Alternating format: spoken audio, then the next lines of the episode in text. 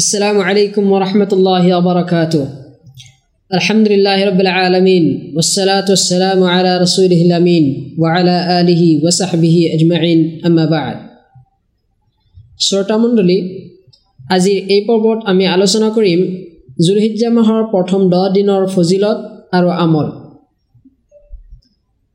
সকলো ধৰণৰ প্ৰশংসা কেৱল মাত্ৰ আল্লাহ ৰব্বুল আলমিনৰ বাবে আৰু দৰুদ চালাম বৰ্ষিত হওক আমাৰ প্ৰিয় নবী মোহাম্মদ চাল্লাহ আলি আছাল্লাম আৰু তেওঁৰ পৰিয়ালবৰ্গ আৰু চাহাবীসকলৰ প্ৰতি। শ্ৰোতামণ্ডলী আল্লাহ তালা অতি দয়ালু। সেয়ে তেওঁ নিজ বান্দাসকলক তবাৰ সুযোগ দি ভাল পায়। তেওঁ বিচাৰে বান্দাসকলে ইবাদতৰ মাধ্যমত তেওঁৰ নৈকট্য লাভ কৰক। এই উদ্দেশ্যে তেওঁ আমাৰ বাবে বছৰত কিছুমান বৰকতময় আৰু কল্যাণবাহী দিন ধাৰ্য কৰিছে। যাতে আমলৰ স্বাব বৃদ্ধি কৰা হয়। আমি পৰীক্ষাৰ দিনবোৰত সৰ্বোচ্চ চেষ্টা চলাওঁ যাতে সবাতোকৈ ভাল ফলাফল অৰ্জন কৰিব পাৰোঁ।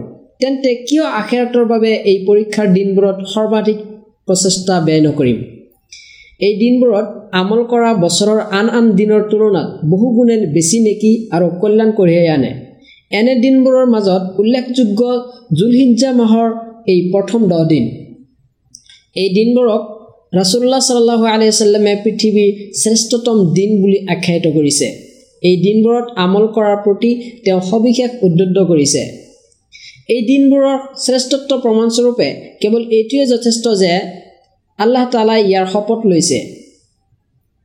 আহক এতিয়া আমি আলোচনা কৰিম কোন আমলৰ জৰিয়তে আমি জুলহিজ্জা মাহক স্বাগতম জনাম। প্ৰতিজন মুছলিমেই ইবাদতৰ মাহবোৰক সুন্দৰ প্ৰস্তুতিৰ জৰিয়তে স্বাগতম জনোৱা উচিত। জুলহিজ্জা মাহক আমি এতিয়া উল্লেখ কৰিম কিছুমান এনেকুৱা আমল যিবোৰৰ দ্বাৰা আমি এই মাহক স্বাগতম জনাব পাৰি। এক নম্বৰ একনিষ্ঠভাৱে তবা কৰা। তবা অৰ্থ প্ৰত্যাৱৰ্তন কৰা বা উভতি অহা।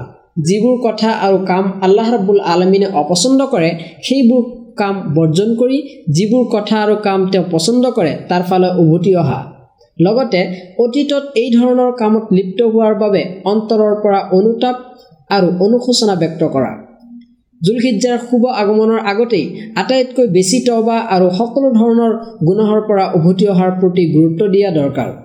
স্বাৰ্থক তবা সেইটোৱেই যাৰ মাজত তিনিটা বৈশিষ্ট্য আছে। প্ৰথমটো হৈছে গুণাটো সম্পূৰ্ণভাৱে বৰ্জন কৰা। দ্বিতীয়টো হৈছে গুণাহৰ বাবে অনুতপ্ত হোৱা। আৰু তৃতীয়টো হৈছে এই গুণাটো ভৱিষ্যতত নকৰাৰ সংকল্প কৰা। বাস্তৱতে এইটোৱেই এটা তবাৰ সুবৰ্ণ সময়। দয়ময় আল্লাহে এই সময় বেছি বেছি তবাৰ ট্ৰফিক দিয়ে আৰু অধিক পৰিমাণে বান্দাৰ তবা কবুল কৰে। যেনে আল্লাহ তাৰাই কৈছে ফাম্মা মন্থা বা আমিলা ছোৱালী ফা আছা খুন আমিৰাল মুফলেহীন। যিয়ে তবা কৰিছে ইমান আনিছে আৰু সৎকৰ্ম কৰিছে।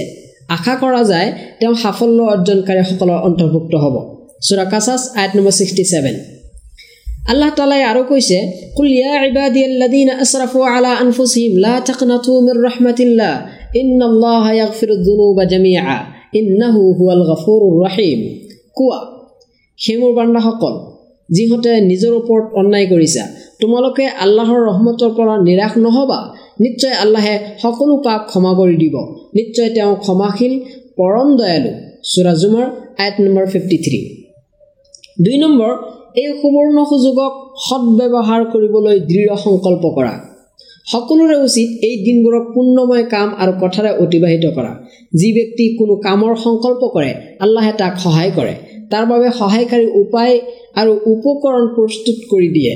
যিয়ে আল্লাহৰ লগত সত্যবাদিতা দেখায় আল্লাহে তাক সততা আৰু সফলতাৰে ভূষিত কৰে। যেনে আল্লাহ তালাই কৈছে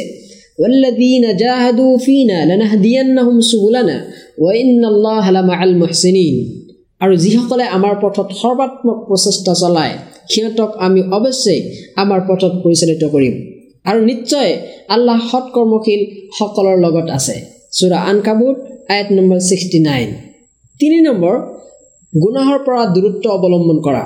সৎকৰ্মৰ দ্বাৰা যেনে আল্লাহৰ নৈকত্য অৰ্জন কৰা হয় ঠিক তেনেকৈ গুণাহৰ দ্বাৰা আল্লাহৰ পৰা আল্লাহৰ ৰহমত আৰু কৰোণাৰ পৰা দূৰত্ব সৃষ্টি হয়।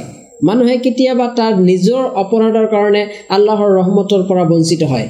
সেয়ে যদি আমি অপৰাধ মাৰ্জনা আৰু জাহান্নমৰ পৰা মুক্তিৰ প্ৰত্যাশী হওঁ তেনেহ'লে এই দিনবোৰত আৰু ইয়াৰ শিক্ষাৰ ওপৰত আমল কৰি বছৰৰ আন আন দিনবোৰত গুণা পৰিত্যাগ কৰিব লাগিব। কোনোবাই যেতিয়া অৱগত হয় যে তাৰ বাবে ডাঙৰ উপহাৰ এটা অপেক্ষা কৰি আছে তেতিয়া তাৰ বাবে যিকোনো কষ্টকৰ সহ্য কষ্ট সহ্য কৰা সহজ হৈ পৰে। এতেকে সেই মুছলিম ভাই আপুনি এই দিনবোৰক যথাযথভাৱে কামত লগাবলৈ চেষ্টা সচেষ্ট হওঁ সময় গুচি যোৱাৰ পিছত অনুতাপ কৰিব নিবিচাৰিলে জুলহিজ্জা মাহৰ জুলহিজ্জা মাহৰ এই দহ দিনত। অথবা জুলহিজ্জা মাহ অহাৰ আগতেই ইয়াত অৰ্জন কৰিবলৈ প্ৰস্তুতি লওঁ। জুলহিজ্জা মাহৰ প্ৰথম দহ দিনৰ ফজিলত এতিয়া আমি আলোচনা কৰিম এই বিষয়ে। এক নম্বৰ আল্লাহ তালাই ইয়াৰ শপত লৈছে। যেনে আল্লাহ তালা যেতিয়া কোনো বস্তুৰ শপত লয় তেতিয়া ই কেৱল সেই বস্তুৰ শ্ৰেষ্ঠত্ব আৰু মৰ্যাদা প্ৰমাণ কৰে। কাৰণ মহান সত্তা কেৱল মহা গুৰুত্বপূৰ্ণ বিষয়েৰে শপত লয়। যেনে আল্লাহ তালাই কৈছে ৱল ফাজৰ ৱালায়ালিন আছ ফজৰৰ শপত আৰু শপত দহ ৰাতিৰ চুৰা ফাজৰ আয়ত নম্বৰ এক দুই। উক্ত আয়তত দহ ৰাতিৰ শপত বুলি জুলহিজ্জা মাহৰ দহ ৰাতিৰ প্ৰতি ইংগিত কৰা হৈছে। এইটোৱেই তফচিলবিদ তফচিলবিদসকলৰ সৰ্বসন্মতি মত। এইপিনে কাছিৰ ৰাহেমুল্লাই কৈছে এইটোৱে সঠিক মত। দুই নম্বৰ এইবোৰেই সেই দিন য'ত আল্লাহে তেওঁৰ জিকিৰৰ প্ৰৱৰ্তন কৰিছে। আল্লাহ তালাই কৈছে লিয়াছাদু মানাফি আলহুম ৱায়াদকুৰ ইছমাল্লাহি ফি আইয়ামি মালুমাত আলা মা ৰাজাকাহুম মিন বাহিমাতিল আনআম। যাতে সিহঁতে নিজ কল্যাণৰ স্থানসমূহত উপস্থিত হ'ব পাৰে আৰু তেওঁ সিহঁতক চতুষ্পদ জন্তুৰ পৰা যি জীৱিকা প্ৰদান কৰিছে তাৰ ওপৰত নিৰ্দিষ্ট দিনসমূহত আল্লাহৰ নাম স্মৰণ কৰিব পাৰে। চুৰা আল হাজ আয়ত নম্বৰ টুৱেণ্টি এইট জুমুৰ ওলামাৰ মতে এই আয়তত নিৰ্দিষ্ট দিনসমূহ জুলহিজ্জা মাহৰ প্ৰথম দহ দিনক বুজোৱা হৈছে। এইটোৱে ইবনে উমৰ ৰাজি আল্লাহ তালা আনহু আৰু ইবনে আব্বাছ ৰাজি আল্লাহ তালা আনহুমৰ মত। তিনি নম্বৰ ৰচুল্লাহ চাল্লাহ আলহিচাল্লামে এই দিনবোৰক শ্ৰেষ্ঠতম দিন বুলি আখ্যায়িত কৰিছে। জুলহিজ্জাৰ এই দিনবোৰক ৰচুল্লাহ চাল্লাহ আলহিহাল্লামে পৃথিৱীৰ শ্ৰেষ্ঠতম দিন বুলি আখ্যায়িত কৰিছে। যেনে জাবিৰ ৰাজি আল্লাহ তালা আনহুৰ পৰা বৰ্ণিত নবী করিম সাল্লাহ আলিয়া সাল্লামে কৈছে আফদল আয়াম দুনিয়া ইয়ামুল আশর ইয়ানি আশরা দিল হিজ্জা কিলা ولا مثلهن ولا مثلهن في سبيل الله قال ولا مثلهن في سبيل الله إلا رجل عفر وجهه في التراب পৃথিৱীৰ দিনবোৰৰ মাজত সৰ্বশ্ৰেষ্ঠ দিনসমূহ হৈছে আয়ামুল আছৰ অৰ্থাৎ জুলহিজ্জাৰ প্ৰথম দহ দিন কোৱা হ'ল আল্লাহৰ পথত জিহাদ কৰাও ইয়াতকৈ উত্তম নহয়নে তেওঁ ক'লে আল্লাহৰ পথত জিহাদ কৰাটো ইয়াতকৈ উত্তম দিন নাই। হয় কেৱল সেই ব্যক্তি যিয়ে জিহাদত তাৰ মুখমণ্ডল মাটিত মিহলাই দিছে। মুছনাদে বাজাৰ হাদিছ নম্বৰ এঘাৰশ আঠাইছ আৰু মুছনাদে আবি আলা হাদিছ নম্বৰ দুহেজাৰ নব্বৈ। চাৰি নম্বৰ এই দিনবোৰৰ মাজত আছে আৰাফাৰ দিন। আৰাফাৰ দিন হৈছে হজৰ দিন। এইটো ক্ষমা আৰু মাফিৰতৰ দিন। জাহান্নমৰ পৰা মুক্তি আৰু নাজাতৰ দিন। জুলহিজ্জাৰ এই দশকত যদি ফজিলতৰ আন কোনো বস্তু নাথাকিলেহেঁতেন তেন্তে এই দিৱসটোৱেই ইয়াৰ মৰ্যাদাৰ বাবে যথেষ্ট হ'লেহেঁতেন। এই দিনৰ ফজিলত সম্পৰ্কে ৰাছুল্লাহ চাল্লাহ আলিয়াল্লামে কৈছে আল হাজ আৰাফা আৰাফা দিৱসেই হৈছে হজ ত্ৰিমিজি নাচাই পাঁচ নম্বৰ ইয়াত আছে কোৰবানীৰ দিন। কোনো কোনো আলিমৰ মতে কোৰবানীৰ দিনটো হৈছে বছৰৰ সৰ্বশ্ৰেষ্ঠ দিন। ৰাছুল্লাহ চাল্লাহ আলিয়াল্লামে কৈছে আফদলুল আয়াম ইন্দাল্লাহ য়াউমুল নাহাৰ চুম্মা য়াউমুল কৰ ইয়াস্তাকিৰ ৰফিহিনাছ আল্লাহৰ ওচৰত সৰ্বাধিক মৰ্যাদাপূৰ্ণ দিন হৈছে কোৰবানীৰ দিন তাৰপিছত স্থিৰতাৰ দিন অৰ্থাৎ কোৰবানীৰ পৰৱৰ্তী দিন কাৰণ যিদিনা মানুহে কোৰবানী ইত্যাদিৰ দায়িত্ব পালন শেষ কৰি সুস্থিৰ হয়। নাচাই এইবিনে খুজাইমা ছয় নম্বৰ এই দিনবোৰতেই মৌলিক ইবাদতসমূহৰ সমাৱেশ ঘটে হাফিজ ইবনে হাজাৰ ৰহিমাহুল্লাই তেখেতৰ ফাতুল বাৰী গ্ৰন্থত লিখিছে والذي يظهر أن السبب في امتياز عشر ذي الحجة لمكان اجتماع أمهات العبادة فيه وهي الصلاة والصيام والصدقة والحج ولا تأتي ذلك في غيره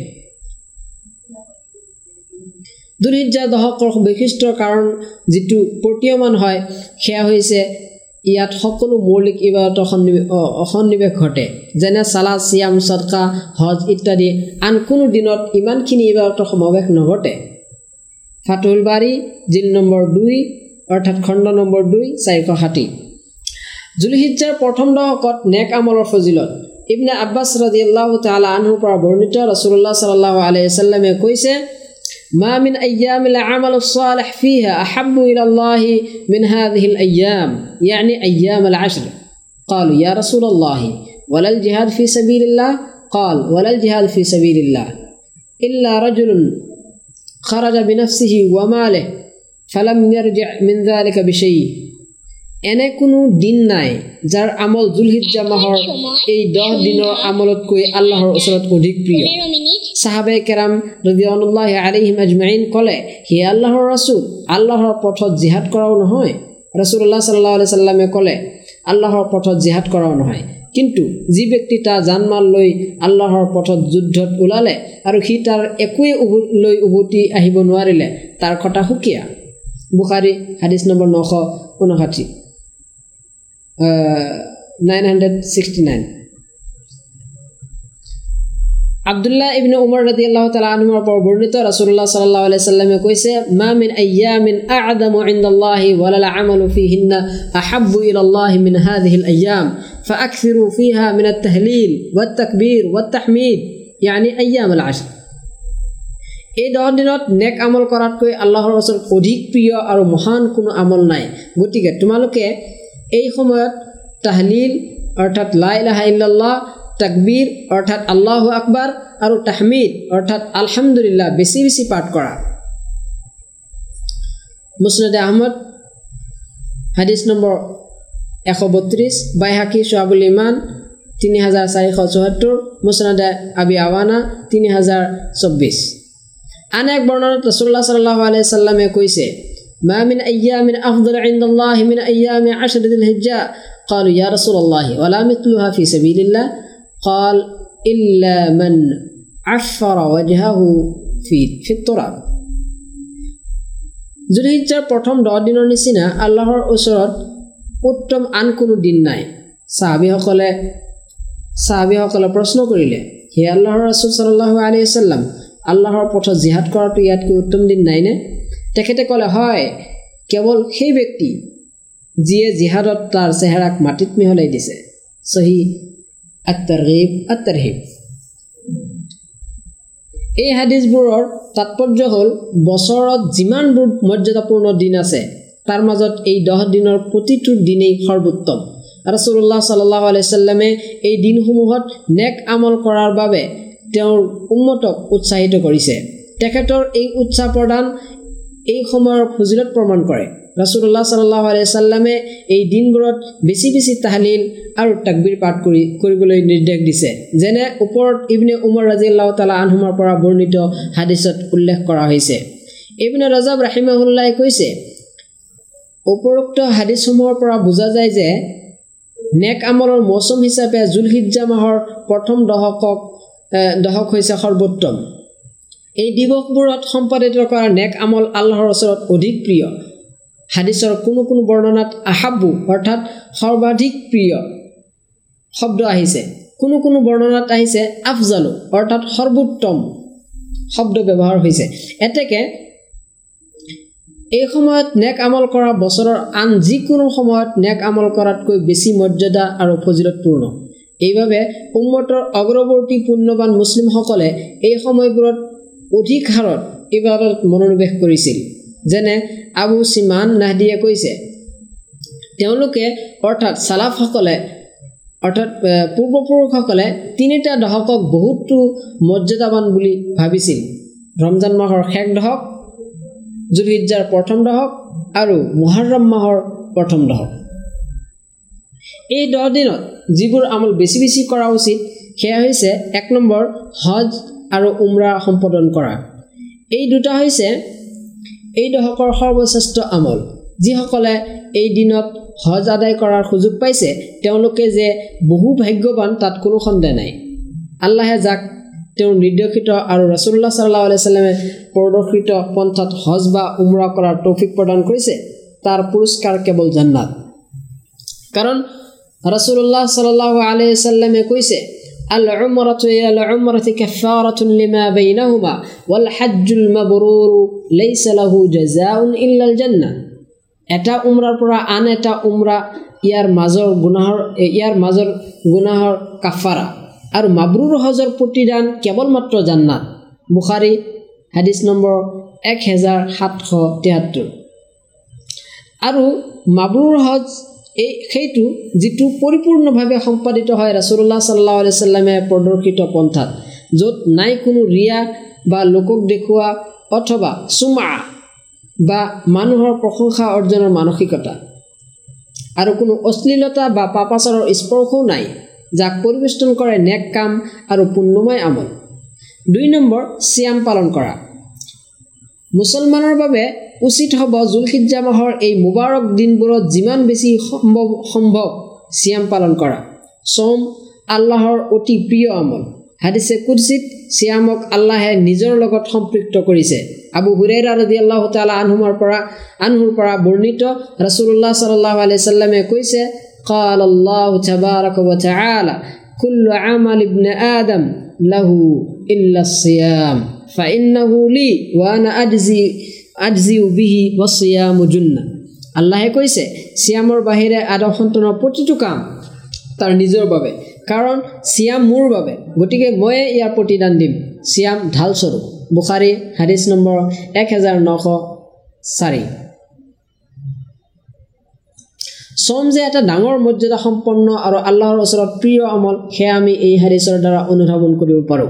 কিন্তু ৰচুল্লাহ চাল্লাহ আলিয়াল্লামে আৰাফাৰ দিনৰ চমৰ প্ৰতি বিশেষভাৱে গুৰুত্ব আৰোপ কৰিছে আৰু ইয়াৰ মৰ্যাদা বৰ্ণনা কৰিছে।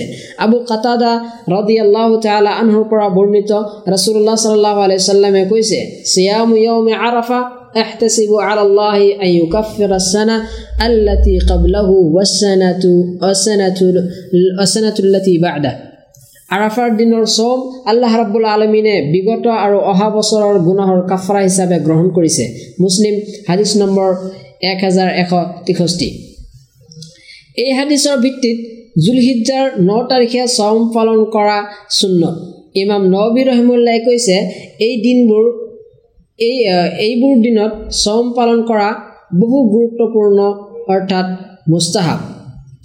কোনো দেশৰ সাধাৰণ মানুহ বিশেষকৈ মহিলাসকলৰ মাজত এটা ধাৰণা প্ৰচলিত আছে যে জুলহিজা মাহৰ সাত আঠ আৰু ন তাৰিখে চম পালন কৰা চুন্নত। কিন্তু চমৰ বাবে এই তিনিদিনক নিৰ্দিষ্ট কৰাৰ কোনো প্ৰমাণ বা ভিত্তি নাই। জুলহিজাৰ একৰ পৰা ন তাৰিখলৈ যিকোনো দিন যিকোনো দিন বা গোটেই ন দিন চম পালন কৰিব পাৰে। তিনি নম্বৰ চালাদ কায়েম কৰা। চালাদ অন্যতম গুৰুত্বপূৰ্ণ সন্মানিত আৰু মৰ্যাদাবান আমল। গতিকে এই দিনবোৰত আমি সকলোৱে চেষ্টা কৰা উচিত ফৰজ চালাদসমূহ জামাতত আদায় কৰা আৰু বেছি বেছি নফল চালাদ আদায় কৰাৰ চেষ্টা কৰা দৰকাৰ।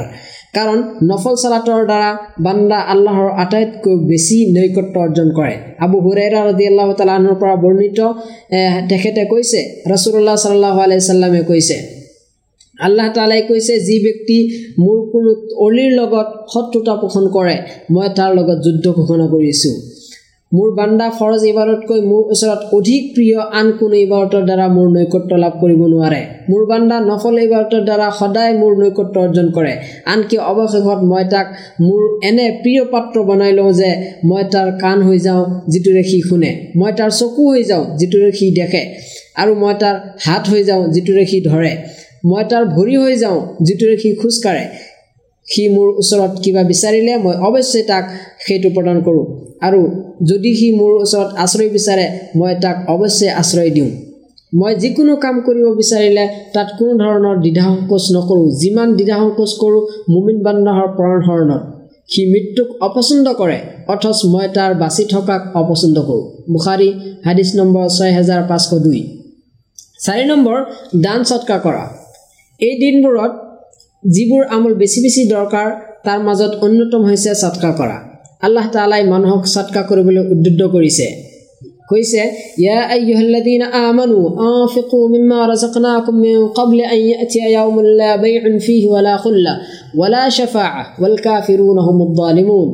হে মুমিনসকল আমি তোমালোকক যি জীৱিকা প্ৰদান কৰিছোঁ তাৰ পৰা তোমালোকে ব্যয় কৰা। সেই দিন অহাৰ আগতেই যিদিনা কোনো ব্যৱসায় নাথাকিব আৰু নাথাকিব কোনো বন্ধুত্ব আৰু কোনো চুপাৰিচ প্ৰকৃততে অবিশ্বাসকাৰীসকলেই অন্যায়কাৰী।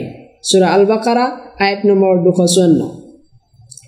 আবু হুৰেৰ ৰদি আল্লাহ তালাহুৰ পৰা বৰ্ণিত ৰচুল্লাহ চাল্লাহ আলি চাল্লামে কৈছে মা নাকাছা চাদাকাতুম মিন মালিন ওয়া মা জাদ আল্লাহ আবদান বিআফউইন ইল্লা ইজ্জান ওয়া মা তাওয়াদা আহাদুন লিল্লাহি ইল্লা রাফাআহু আল্লাহ সৎকা সম্পদক কেতিয়াও হ্ৰাস নকৰে। ক্ষমাৰ দ্বাৰা আল্লাহে বান্দাৰ মৰ্যাদা বৃদ্ধি কৰে আৰু কোনোৱে আল্লাহৰ বাবে বিনয়ী হ'লে আল্লাহে তাক উচ্চ মৰ্যাদা সম্পন্ন কৰে। মুছলিম হাদিছ নম্বৰ ছয় হাজাৰ সাতশ সাতাৱন্ন। পাঁচ নম্বৰ তাকবীৰ তাহমিদ আৰু তাজবি পাঠ কৰা। এইবোৰ দিনত তাকবীৰ অৰ্থাৎ আল্লাহু আকবৰ তাহমিদ অৰ্থাৎ আলহামদুলিল্লাহ তাহলিল অৰ্থাৎ লা ইলাহা ইল্লাল্লাহ আৰু তাছবি সুবাহানুল্লাহ পঢ়া সুন্নত। এই দিন এই দিনসমূহত জিকিৰ আজকাৰৰ বিশেষ গুৰুত্ব আছে। হাদিছত আহিছে যে আবদুল্লাহ ইবনে উমৰ ৰাদি আল্লাহ তালাহুৰ পৰা বৰ্ণিত ৰচুল্লাহ চাল্লাহ আলাইচাল্লামে কৈছে এই দহ দিনত নেক আমল কৰাতকৈ বেছি আল্লাহৰ ওচৰত প্ৰিয় আৰু মহান কোনো আমল নাই। সেয়ে তোমালোকে এই দিনসমূহত তাহলিল অৰ্থাৎ লাই লাহা ইল্লাল্লাহ তাকবীৰ অৰ্থাৎ আল্লাহ আকবাৰ আৰু তাহমিদ আলহামদুলিল্লাহ বেছি বেছি পাঠ কৰা। বাইহাকী শ্বাবুল ইমান হাদিছ নম্বৰ তিনি হাজাৰ চাৰিশ চৌসত্তৰ মুছনাদে আবি আৱানা হাদিছ নম্বৰ তিনি হাজাৰ চৌব্বিছ। তাকবীৰৰ শব্দসমূহ হৈছে এই ধৰণৰ আল্লাহ আকবৰ আল্লাহ আকবৰ লাহ ইল্লাহ আল্লাহ আকবৰ আল্লাহ আকবৰ ৱালিল্লাহাম উল্লেখ্য যে বৰ্তমান তাকবীৰ হৈ পৰিছে এটা পৰিত্যক্ত আৰু বিলুপ্তপ্ৰায় চুন্নত আমাৰ আমাৰ আমাৰ সকলোৰে কৰ্তব্য এই চুন্নতৰ পুনৰ্জীৱনৰ লক্ষ্যত এই সংক্ৰান্ত ব্যাপক প্ৰচাৰণ প্ৰচাৰণ চলোৱা। হাদিছত উল্লেখ উল্লেখিত আছে যে যি ব্যক্তি মোৰ চুন্নতসমূহৰ পৰা এটা চুন্নত পুনৰ্জীৱিত কৰিলে যিটো মোৰ পিছত বিলুপ্ত হৈ গৈছিল তাক সেই পৰিমাণ চোৱাব দিয়া হ'ব যি পৰিমাণ তাৰ ওপৰত অৰ্থাৎ সেই চুন্নতৰ ওপৰত আমল কৰা হ'ব। আৰু আমলকাৰীসকলৰ চোৱাবৰ পৰা বিন্দু পৰিমাণো হ্ৰাস কৰা নহ'ব। তিৰমিজি হাদিছ নম্বৰ ছয়শ সাতাত্তৰ জুলহিজা মাহৰ আদিৰ পৰা আয়ামে তাশ্ৰিক শেষ নোহোৱা পৰ্যন্ত এই তাকবিৰ পাঠ কৰা সকলোৰে বাবে মুস্তাহাব। কিন্তু বিশেষভাৱে আৰাফা দিৱসৰ ফজৰৰ পিছৰ পৰা মিনাৰ দিনসমূহৰ শেষ পৰ্যন্ত অৰ্থাৎ যিদিনা মিনাত শিলগুটি দলিয়াই শেষ কৰিব সেইদিনা আচৰ পৰ্যন্ত প্ৰত্যেক চালাতৰ পিছত এই তাকবিৰ পাঠ কৰাৰ বাবে বিশেষ গুৰুত্ব দিয়া হৈছে। আবদুল্লাহ ইবনে মাছুদ ৰাজি আল্লাহ তালা আনহু আৰু আলী ৰাজি আল্লাহ তালা আনহুৰ পৰা এই মতটো বৰ্ণিত। ইবনে টাইমিয়া ৰাহমুল্লাহে কৈছে ইয়াক সবাতোকৈ বিশুদ্ধ মত বুলি তেওঁ তেখেতে আখ্যায়িত কৰিছে। উল্লেখযোগ্য যে যদি কোনো ব্যক্তি এহৰাম বান্ধে তেন্তে সেই তালবিয়াৰ লগত মাজে মাজে তাকবিৰো পাঠ কৰিব। হাদিজ দ্বাৰা ইয়াৰ এই বিষয়টো প্ৰমাণিত। ইবিনে টাইমিয়া মজমা ফাটোৱা চৌব্বিছ নম্বৰ খণ্ড দুশ বিছ ছয় নম্বৰ পশু কোৰবানী কৰা। এই দিনবোৰৰ দশম দিনত সামৰ্থৱান ব্যক্তিৰ বাবে কোৰবানী কৰা চুন্নতি মক্কাদা আল্লাহ ৰাবুল আলমিন তেওঁৰ নবীক কোৰবানী কৰিবলৈ নিৰ্দেশ দিছে যেনে আল্লাহ তালাই কৈছে ফচল্লি ৰব্বি হাৰ আপুনি আপোনাৰ প্ৰতিপালকৰ উদ্দেশ্যে চালাদ আদায় কৰক আৰু কোৰবানী কৰক। চুৰা আল কাউচাৰ আঠ নম্বৰ দুই। এই দহ দিনৰ অন্যতম প্ৰিয় আমল হৈছে কোৰবানী কোৰবানীৰ পশু জবেশ আৰু গৰীবসকলৰ মাজত ইয়াৰ মাংস বিতৰণৰ দ্বাৰা আল্লাহৰ বিশেষ নৈকট্য লাভ হয়। ইয়াৰ দ্বাৰা গৰীবসকলৰ প্ৰতি সহমৰ্মিতা প্ৰকাশ পায় আৰু সিহঁতৰ কল্যাণ সাধন হয়। আন আন সাধাৰণ আমল বেছি বেছি কৰা। যেনে ওপৰত যি নেক আমলবোৰৰ কথা আমি উল্লেখ কৰিছোঁ এইবোৰৰ বাহিৰেও আন কিছুমান নেক আমল আছে যিবোৰ এই দিনসমূহত বেছি কৰা যায় যেনে কোৰাণ তিলাৱত জিকিৰ দোৱা দান চটকা পিতৃ মাতৃৰ লগত ভাল ব্যৱহাৰ আত্মীয়তাৰ হক আদায় কৰা সৎ কামৰ আদেশ আৰু অসৎ কামৰ পৰা নিষেধ কৰা চালামৰ প্ৰচাৰ কৰা মানুহক আহাৰ কৰোৱা প্ৰতিবেশীসকলৰ লগত সদাচৰণ কৰা অতিথিক সন্মান কৰা পথৰ পৰা কষ্টদায়ক বস্তু আঁতৰ কৰা আনৰ অভাৱ প্ৰয়োজন পূৰণ কৰা ৰচুল্লাহ চাল্লাহ আলাইচাল্লামৰ ওপৰত দৰুদ পঢ়া স্ত্ৰী আৰু সন্তানৰ বাবে অৰ্থ ব্যয় কৰা আনক কষ্ট নিদিয়া অধীনস্থসকলৰ প্ৰতি সদয় হোৱা পিতৃ মাতৃৰ বন্ধু বান্ধৱীৰ প্ৰতি শ্ৰদ্ধা দেখুওৱা মুছলিম ভাতৃৰ অজানিতে তাৰ বাবে দোৱা কৰা প্ৰতিশ্ৰুতি আৰু আমানত ৰক্ষা কৰা হাৰাম বস্তুৰ পৰা দৃষ্টি সংযত ৰখা সুন্দৰভাৱে উজু কৰা আজান আৰু ইকামতৰ মাজত দোৱা কৰা জুমাৰ দিনা চৰাতুল কাহাফ তিলাৱত কৰা মছজিদত আগমন কৰা চুন্নত চালাদসমূহ দায়িত্বশীলতাৰে আদায় কৰা ঈদগাহত গৈ ঈদুল আজহাৰ চালাদ আদায় কৰা প্ৰত্যেক চালাতৰ পিছত আল্লাহৰ জিকিৰ কৰা হালাল উপাৰ্জন কৰা মুছলিম ভাইসকলক আনন্দ দিয়া দুৰ্বলসকলৰ প্ৰতি দয়াৱান হোৱা কৃপণতা পৰিহাৰ কৰা ভাল কামত সহায় কৰা ল'ৰা ছোৱালীক সুশিক্ষা দিয়া কল্যাণ কামত মানুহক সহযোগিতা কৰা ইত্যাদি ইত্যাদি কামবোৰ। এইবোৰৰ প্ৰতিটোৱে ইমান আৰু আল্লাহৰ মহাব্বত বৃদ্ধি কৰে ফলত আল্লাহেও তাক ভাল পায়। এইবোৰ গোটেই এজন মুমিনৰ চৰিত্ৰৰ অংশ। এইবোৰৰ দ্বাৰা এজন মানুহ প্ৰকৃত মানুহত পৰিণত হয়। আল্লাহে এইবোৰৰ দ্বাৰা আত্মিক প্ৰশান্তি প্ৰদান কৰে। আল্লাহ তালা আমাক আটাইকে সেইসকল ব্যক্তিৰ মাজত অন্তৰ্ভুক্ত কৰক যিসকলে এই সুবৰ্ণ সুযোগৰ সৰ্বোত্তম ব্যৱহাৰ কৰে। আমিন। ওসল্লাহ আলা নবীল কৰিম আলহামদুলিল্লাহ ৰবিল আলমিন। আসসালামু আলাইকুম ওৰহমতুল্লাহি ওবৰাকাতু